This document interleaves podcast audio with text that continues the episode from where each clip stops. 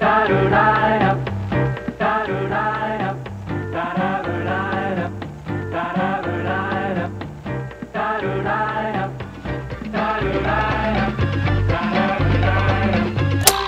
Välkommen till Reformera-podden och vi sitter kvar här och gör vår Summer Edition under öppen himmel. Inte ett moln så långt ögat kan nå och det är sol. Jag vet inte hur varmt det är men eh, vi har satt oss här i skuggan.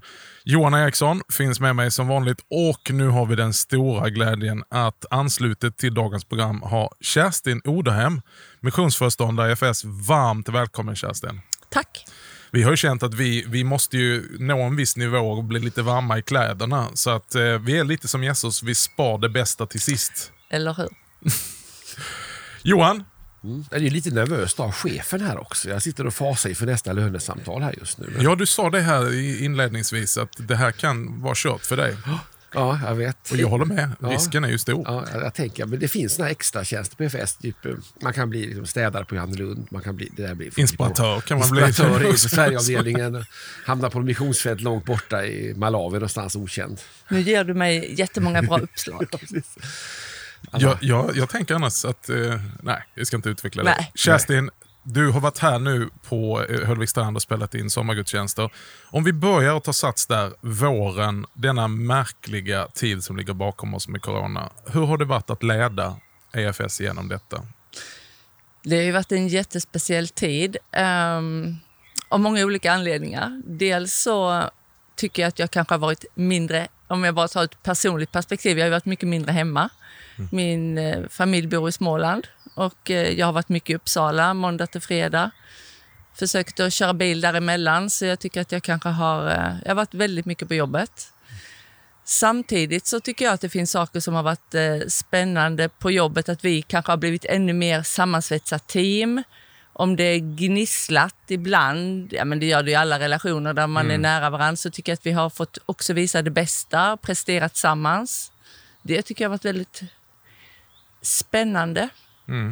För det tror jag att vi har någonting att lära av framåt. Sen är det mycket som är, ja men det sa jag också när vi hade vår årsmöte och, och jag skulle ha öppnings, ja, vara med i öppningsgudstjänst, eller inte gudstjänst, men samlingen vi hade live.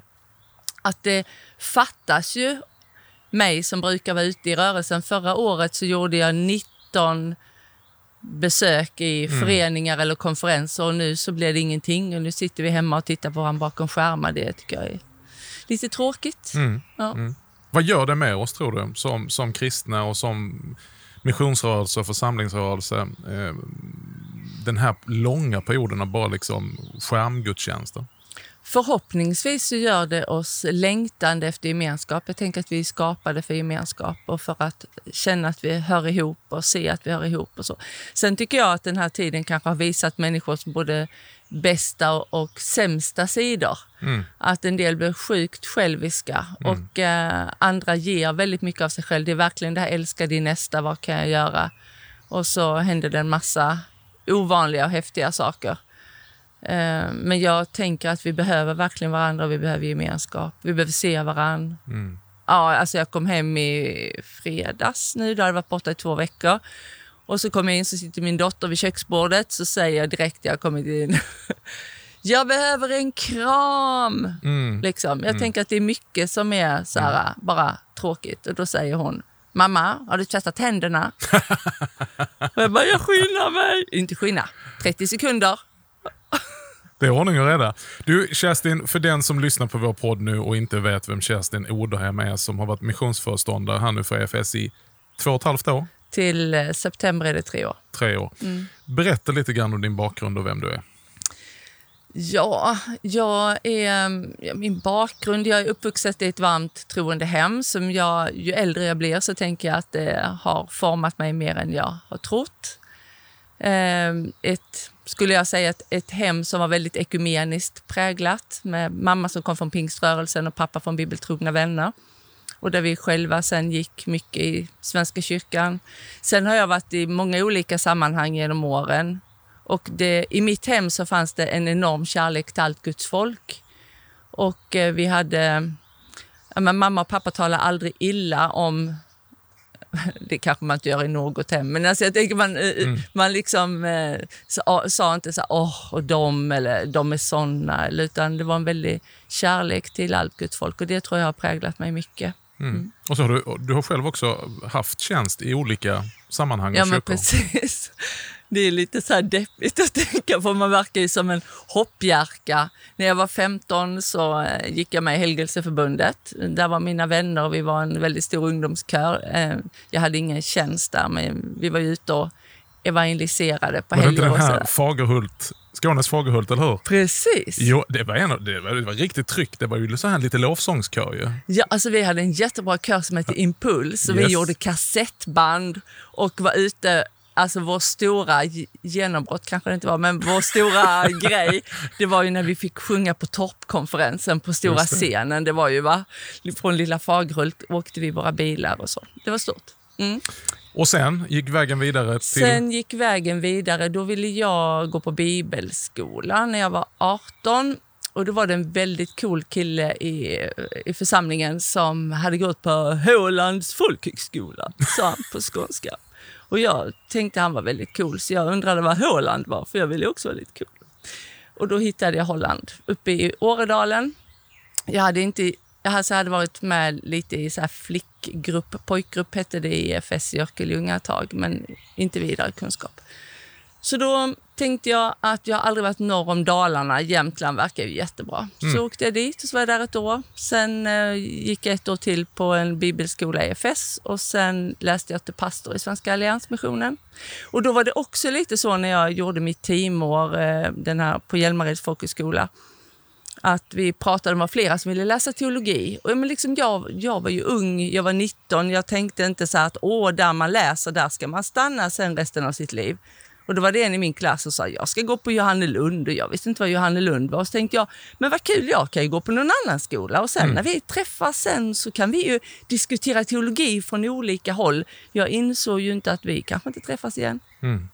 För så är ju lite livet. Mm. Att man får relationer och så kommer människor och sen går människor ut ur ens liv. Mm. Så jag hamnade lite på Kortebo kan man säga av en slump för att det var en som rekommenderade den. Men det var jättebra år. Och sen innan du hamnade som eh, regionsledare och distriktsföreståndare Ja. i sydöst så var du på ALT också, eller hur? Ja, jag har gjort massa saker. Och jag var lärare på Åredalen sen jag kom tillbaka. Holland bytte namn till Åredalens folkhögskola. Jag var lärare där många år. Mm. Men vi tycker det är fantastiskt Kerstin, för det är verkligen något som präglar dig. Det är ju det här vi kallar för helgkyrklighet. Att du, du har en otrolig öppenhet och en stor famn att eh, ta med de här olika delarna som, som har präglat dig från olika kristna sammanhang. Mm. Jag måste bara tänka också, när du berättar om ditt liv, så vet jag att du har också jobbat som husmor, eller hur? Precis, internatföreståndare eller husmor på det som idag heter Åredalen. ja. Och du har städat där också. Du, ja. Alltså, EFS har aldrig haft en missionsföreståndare som har städat så mycket som jag. Jag har städat hotell, jag har jobbat på Scandic, jag har eh, varit diskare, jag har, jag har bonat golv. Så alltså nu när jag jobbar och ser att det är andra som städar, jag bara åh, uppskattar dem för deras slit. Jag vet hur det är att gå där och alla bara tittar så här, bara, ah, men hon kan ju inget, så tänker man ni skulle bara veta.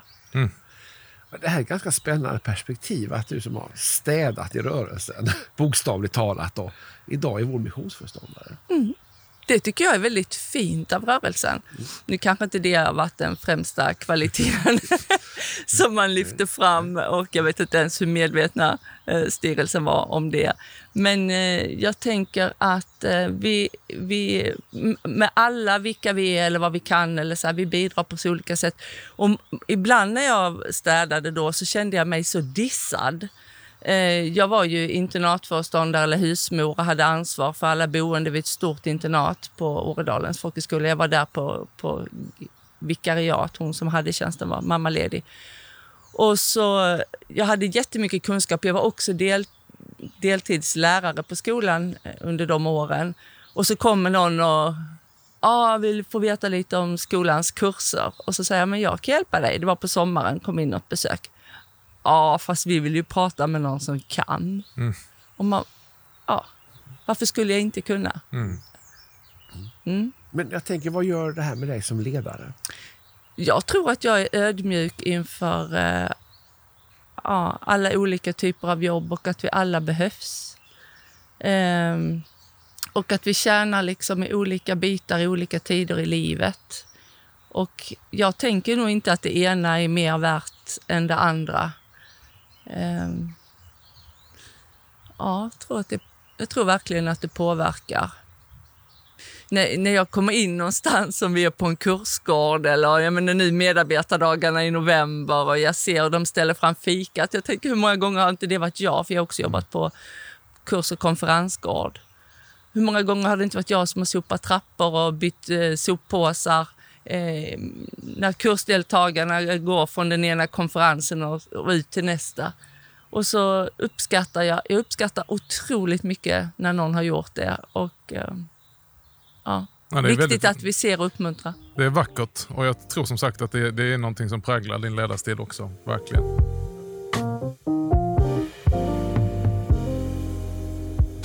Om vi går till EFS då. Eh, som missionsföreståndare för EFS så möter du hela tiden utmaningar, problem, behov, men också massa möjligheter. Vad är din flygbild av EFS? Alltså, mm, man kan ju ha många olika perspektiv på de där flygbilderna. Eh, det som jag har närmast nu, eh, som jag tänker på, det är att vi är faktiskt en rörelse som är beredda till ganska mycket förändringar. Eh, för, eh, vad är det nu, två år sedan är det det, som vi var, hade årskonferensen i Luleå. Är det två år sedan? Ja. Och eh, då hade vi liksom formulerat en ny vision. Alltså den är inte ny, den är liksom förpackad för den här tiden med ny språkdräkt och så här, men ändå prioriteringar. En verksamhetsplan som såg ut på ett helt annat sätt än vad det har gjort förut. Det har varit mycket mer detaljerat, nu är det mer så övergripande.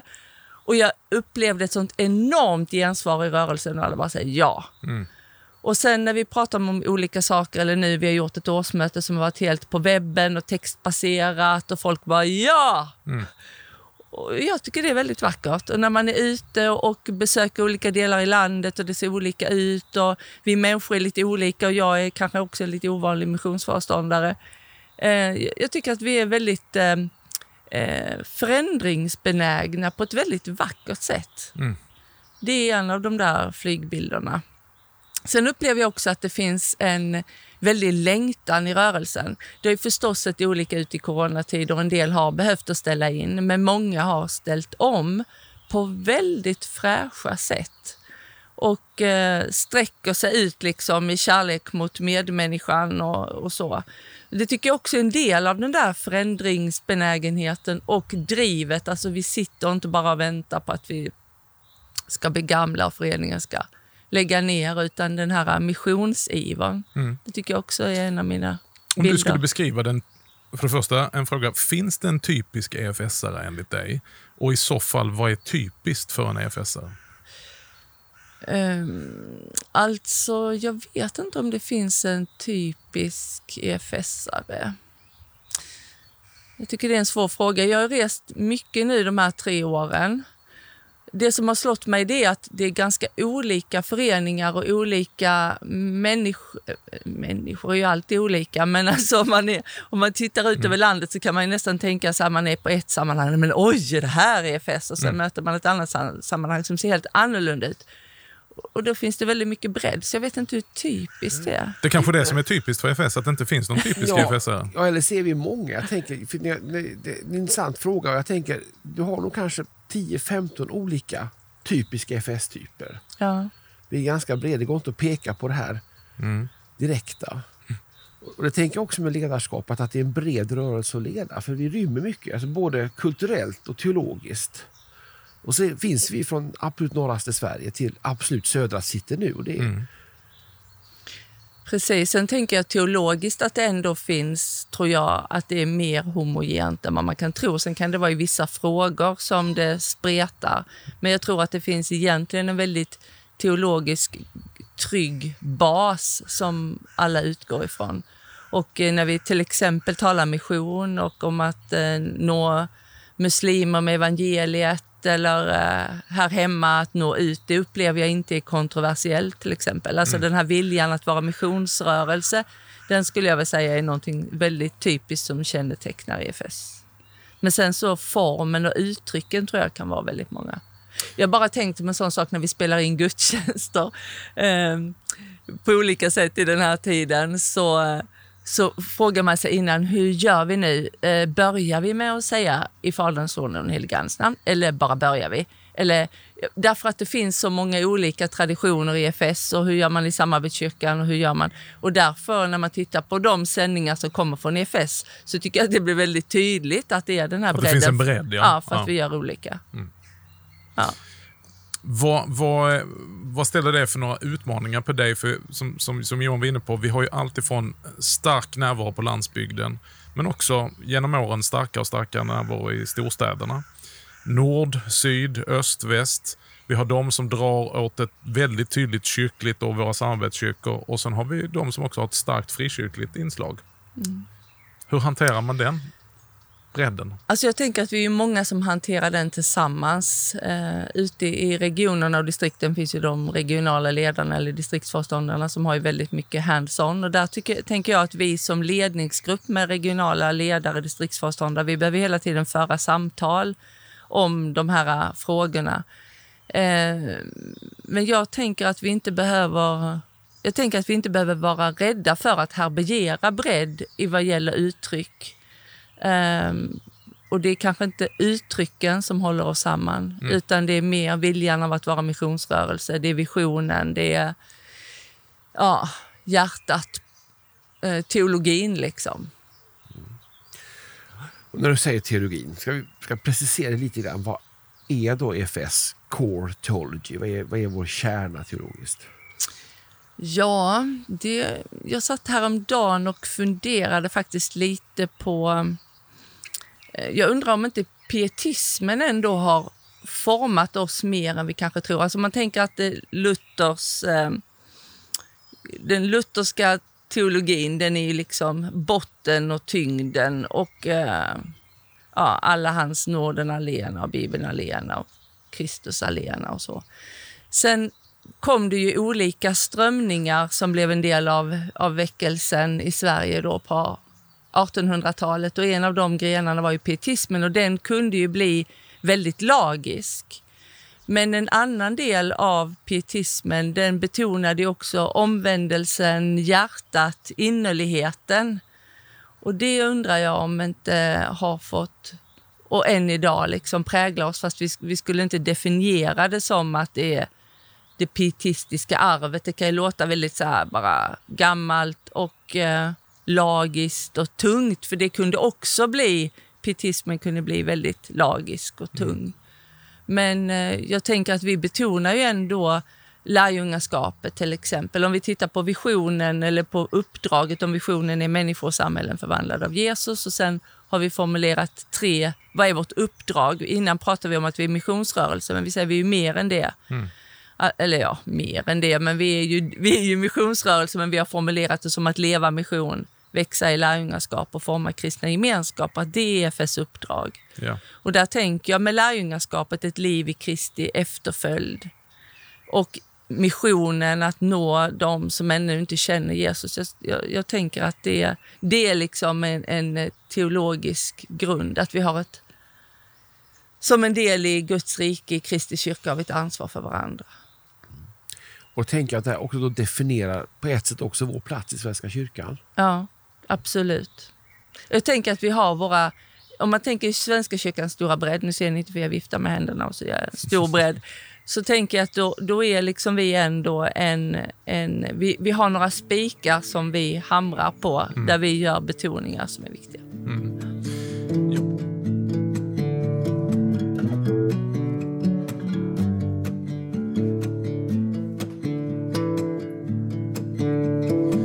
Jag som är ny i EFS eh, och, och har rest mycket som inspiratör, jag, jag tycker det är eh, slående när jag möter både unga och gamla och så sitter jag ner och pratar med dem kanske efter en gudstjänst eller möter dem på olika andra sätt. Jag skulle säga att det som jag oftast hör när jag frågar vad behöver vi göra mer av, så säger de vi behöver prata om Jesus. Mm. Man säger Jesus på ett speciellt sätt i EFS, i alla fall söderöver. Jesus. Det, är, det kan låta banalt, men det är otroligt starkt vilket Jesusfokus det finns i EFS. Vad ska vi göra i Svenska kyrkan? Vi behöver tala om Jesus.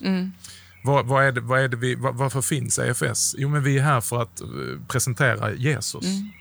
Och jag tänker att det har ju på något sätt, jag vet inte om man kan säga en trend, men allt mer så har vi börjat prata om Gud. Och på ett sätt så är det ju enkelt att prata om Gud därför att då behöver vi inte specificera liksom.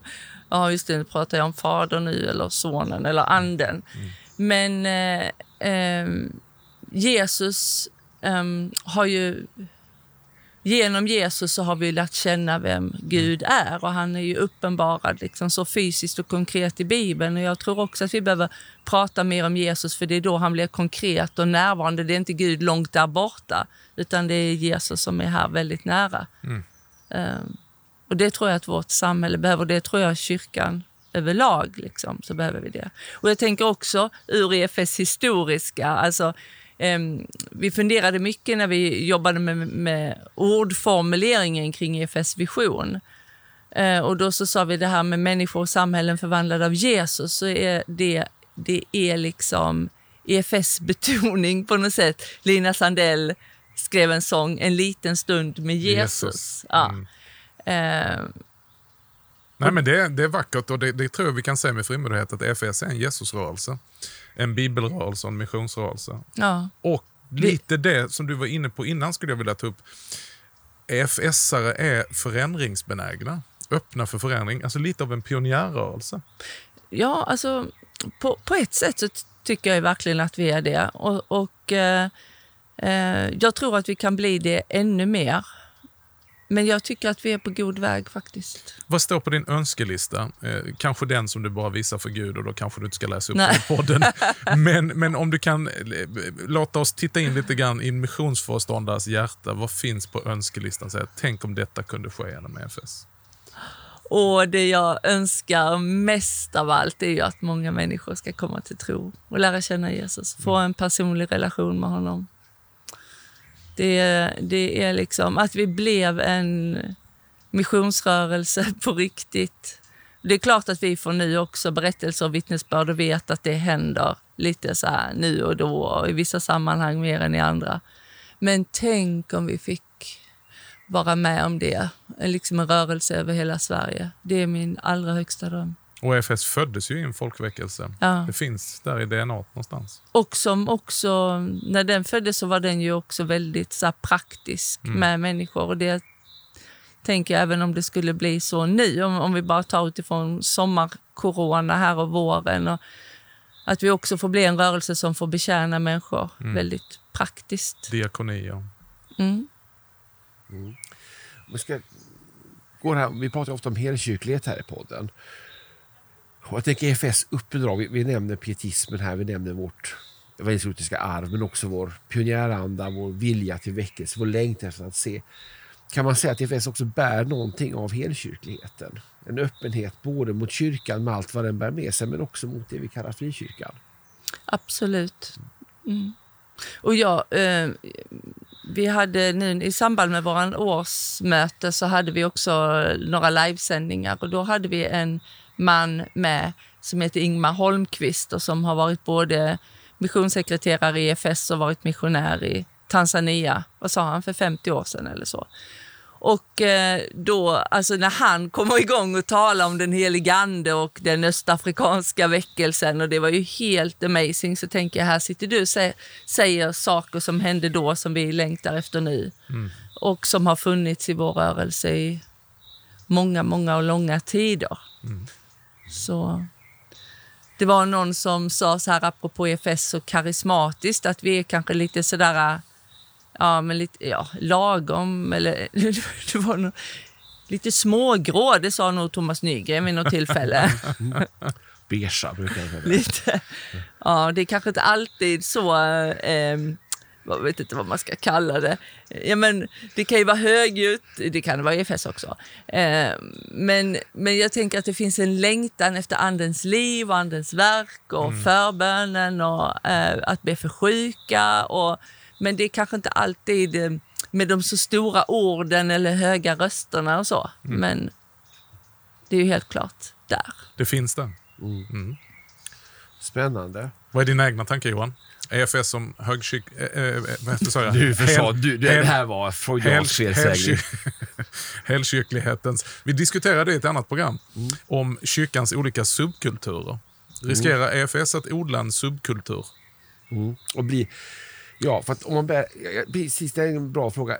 Riskerar vi bara bli en bland alla kyrkans alla subkulturer eller bär vi någonting större?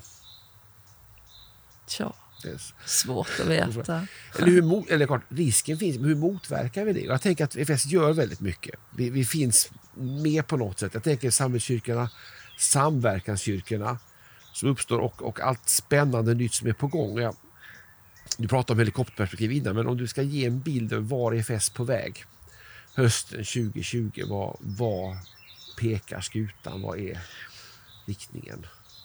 Ja, jag bara tänkte så här, det du sa om olika subkulturer och så, så tänker jag att vi kanske inte, man kanske inte behöver oroa sig så mycket över vilken kultur man är i.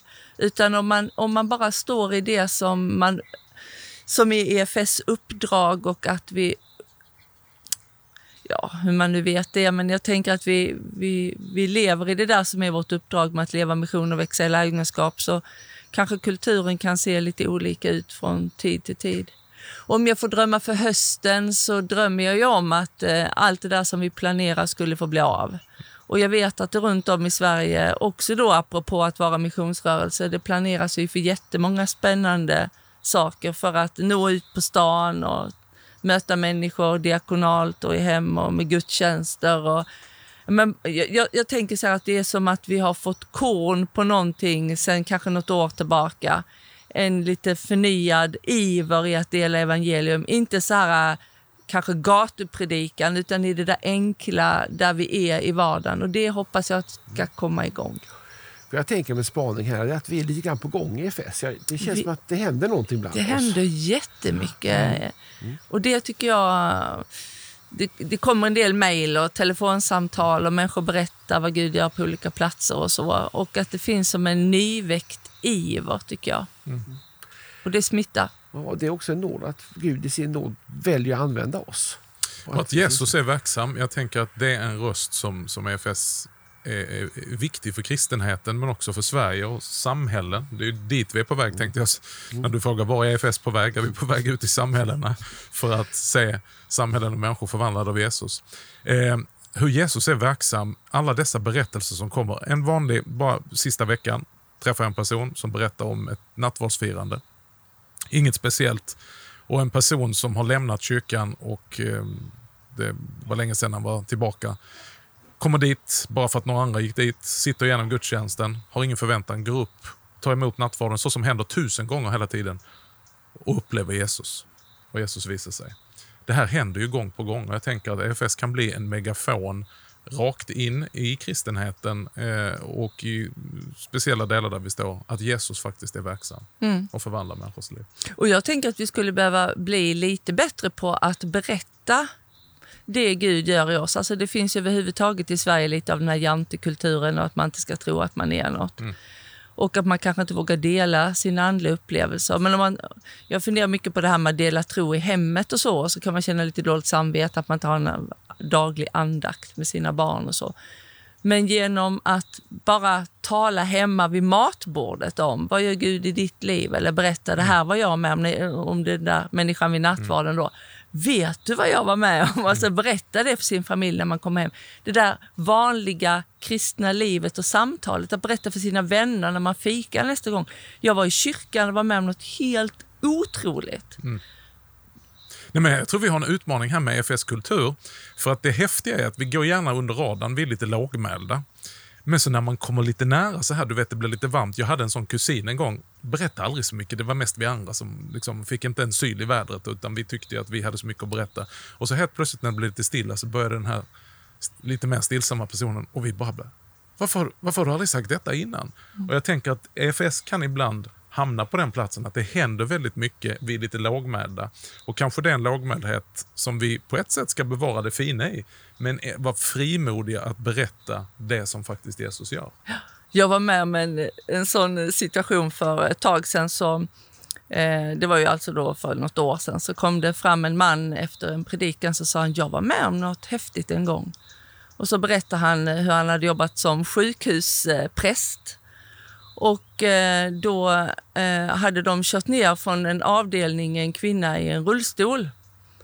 Och eh, de firade sin gudstjänst och han upplevde väldigt så här, stark gudsnärvaro. Så när gudstjänsten är slut så vänder han sig inte riktigt mot församlingen utan han liksom står kvar inför korset, den här prästen.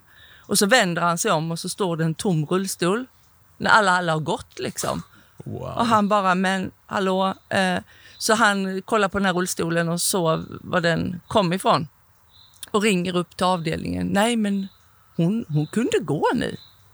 Fantastiskt. Och sen fanns det mer grejer i den där berättelsen för sen så skulle han köra upp den där rullstolen till avdelningen och eh, då möter han en kvinna som mår väldigt dåligt i korridoren och han får ner henne i rullstolen och kör henne till akuten och då visade det sig att ja, om det var hjärtinfarkt och precis att hon kom in i den där minuten gjorde att de kunde rädda livet på henne. Och, ja, det var massa olika följdverkningar wow. på det där. Men jag stod där i hallen och fick hela berättelsen. Jag bara, har du berättat det här för någon? Det är lite typiskt EFS bara. Mm. Mm. Ja, men... Det... det är ingen som har frågat. Nej. Ett mirakel i det tysta liksom. Du Kerstin, eh, tiden går snabbt när man har roligt. Om du vill skicka med, nu är vi i slutet av sommaren här, vi står inför en, en höst som delvis är oviss, men det finns mycket längtan och mycket förväntan. Vad vill du skicka med oss för någonting? Tänk på detta. Eh, tips? Ja, men bara ta vara på alla de möjligheter som är runt omkring. Att sträcka ut sina händer varje dag och säga, men här är jag Jesus. Och eh, frimodigt gå på liksom i det som öppnar sig. Det är så enkelt, så odramatiskt. Igår så bara tog vi en promenad, jag och min man, i samhället på kvällen. Och Det finns massor av tillfällen att bara uppmuntra människor. Mm. Sommar och höst eh, när man är ute och rör sig utanför sina hus. Börja prata med människor. Mm. Eh, överallt så finns det möjligheter, i det lilla. Vad är den vanligaste bönen som kommer över Kerstin Oderhems läppar? Ja, det finns väl både den bönen, hjälp! Eh, sen finns det väl... Ehm, eh, ja, e-, en bön som jag har nedskriven. Eh, jag har ju precis fyllt 50 då och eh, då tänkte jag då får man väl önska sig någonting av Herren. Och då är det att jag skulle få vara med och föra människor till tro. Underbart. Mm. Det här fångar så väldigt mycket vem du är, Kerstin. Mm. Tack så mycket för att du ville sitta här i solen tillsammans med oss. Eller ja, du sitter i skuggan nästan. Mm. Eh, vad säger du Johan? Ja, jag, Vill du avsluta? Nej, jag är lite tagen. Jag, jag måste ärligt säga det. Men vi, ja, det är någonting som rör hjärtesträngen här mm. faktiskt. I det vi pratar om. Och jag, blir, jag blir lite berörd av det. Mm. Så är det. Vi har, måste ta våra tillfällen och, och möta människor, räcka evangeliet. Möta människor i vardagen. Och det är kanske bara ett, som sagt, ett vänligt ord. Att se människor. Det är det Reformera handlar om. Det handlar inte om struktur, det handlar inte om form, det handlar inte primärt om uttryck. Utan det handlar om ett återtåg och ett återvändande till det som är hela kristendomens kärna och centrum. Jesus Kristus och honom som korsfäst för oss. Detta är de goda nyheterna som vi behöver räcka människor i alla sammanhang och vara frimodiga och stå för och väcka kyrkan över att detta är faktiskt vår bäst bevarade hemlighet, tyvärr fortfarande, som behöver ropas ut från hustaken. Tack Kerstin för att Tack. du var med i Reformera-podden. Välkommen tillbaka Johan. snart. Ja. Reformera-podden görs i samarbete med EFS och budbäraren och vi tackar Rickard Liljeroth Eriksson för att han har varit vår tekniker. Vi tackar Dan Woodrow, vår producent. Du är välkommen att följa oss på reformera.net och de olika sociala medierna. Och så är vi tillbaka om en vecka igen, eller hur Johan? Ja. På samma plats, samma kanal. Ja. Och med din... Närvaro. Nej. Med din närvaro, ja. helt enkelt. Ja. Underbart. Ja. Tack. Guds rika välsignelse. Okej, okay. Guds rika välsignelse.